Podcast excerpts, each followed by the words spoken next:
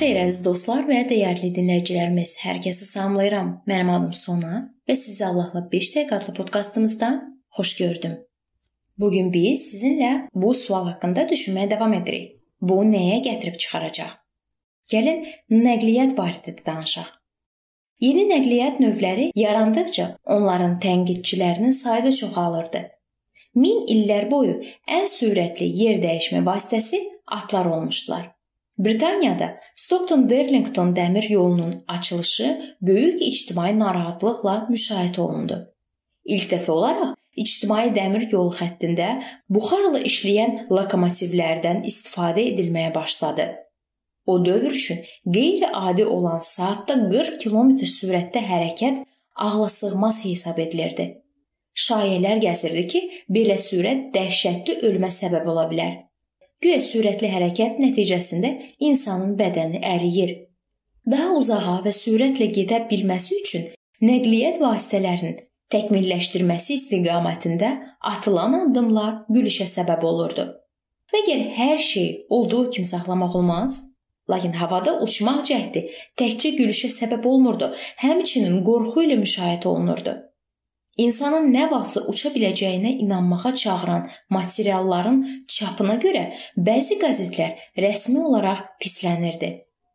Amerika ordusunun kontr-admiralı George Melville bir çox insanların əmin olduğu bu fikri qəti olaraq bəyan etdi. Dirijablların və başqa uçan aparatların uğurlu sınağı və təhlükəsizliyi barədə iddiaların heç bir əsası yoxdur. Rabitə barədə deyək. Rabitə sahəsində yeni ixtiraların da əleyhdarları az deyildi. 1877-ci ilin dekabrında New York Times qəzetinin redaktoru növbəti texnoloji yeniliyin telefonun əleyhinə çıxdı. O telefonu bəşəriyyət üçün təhlükəli hesab edirdi. Özünün yazdığı məqalədə naqillə səs ötürən yeni cihaza qarşı ciddi arqumentlər səsləndirdi. Rhode Island ştatındakı sınaqlar zamanı alimlər naqilləri 6,5 kilometr məsafədə uzada bildilər. İnsanlar burada dayanıb uzaq məsafədəki səsləri eşidə bilirdilər. Şayələrə görə güya elə şeylər eşitmişdilər ki, onu bölüşməyə belə cəsarət etmirdilər. Narahatlıqlarının əsassız olmadığını sübut etmək üçün redaktor telefonun bəşəriyyətə ziyan vura biləcəyini düşünən bir ingilis yazıçının sözlərini də sitat gətirirdi. Arada gəzən şayələr də az iş görmürdü. Üzbəüz deyil, telefon vasitəsilə şər böhtan xarakterli sözlər və ya şəxsi sirlər yayılsa onda necə? Tezliklə şəffaf jile kündəsinə heç nəyə çevriləcəyi o deyirdi. Bildirirdi ki, yeniliklərin əleyhinə deyil, amma telefon həddən artıq təhlükəli şeydir. Tarix boyu bir yenilik meydana gələndə tənqidçilər inkişafı ləngitməyə çalışıblar. Yeniliyin gətirə biləcəyi fəsadlardan qorxaraq həyəcan təbili çalmağın onların vəzifə borcu olduğunu düşünürdülər. Ola bilsin, 19-cu əsrin əvvəlində yaşamış ingilis kəndlilərindən ibarət qrupdan çox yeniliklərə nifrət edən ikinci bir qrup tapmaq qeyri-mümkündür. Luditlər hərəkəti barədə demək olar.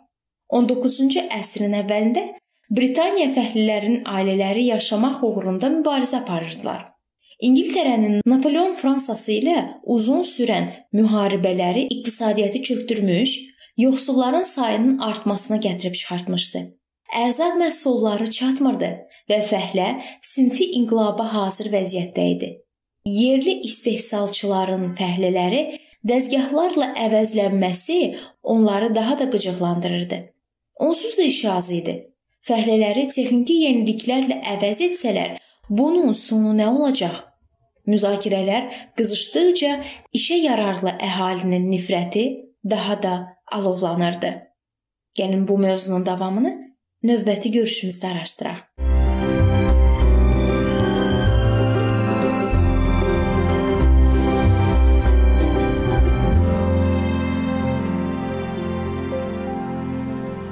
Beləliklə əziz dostlar, bu yerdə bu mövzu sona çatdı.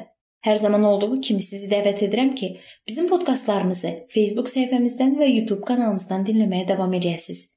İndi isə mən sizinlə sağollaşıram və növbəti görüşlərdə görmək ümidi ilə. Sağ olun, salamat qalın.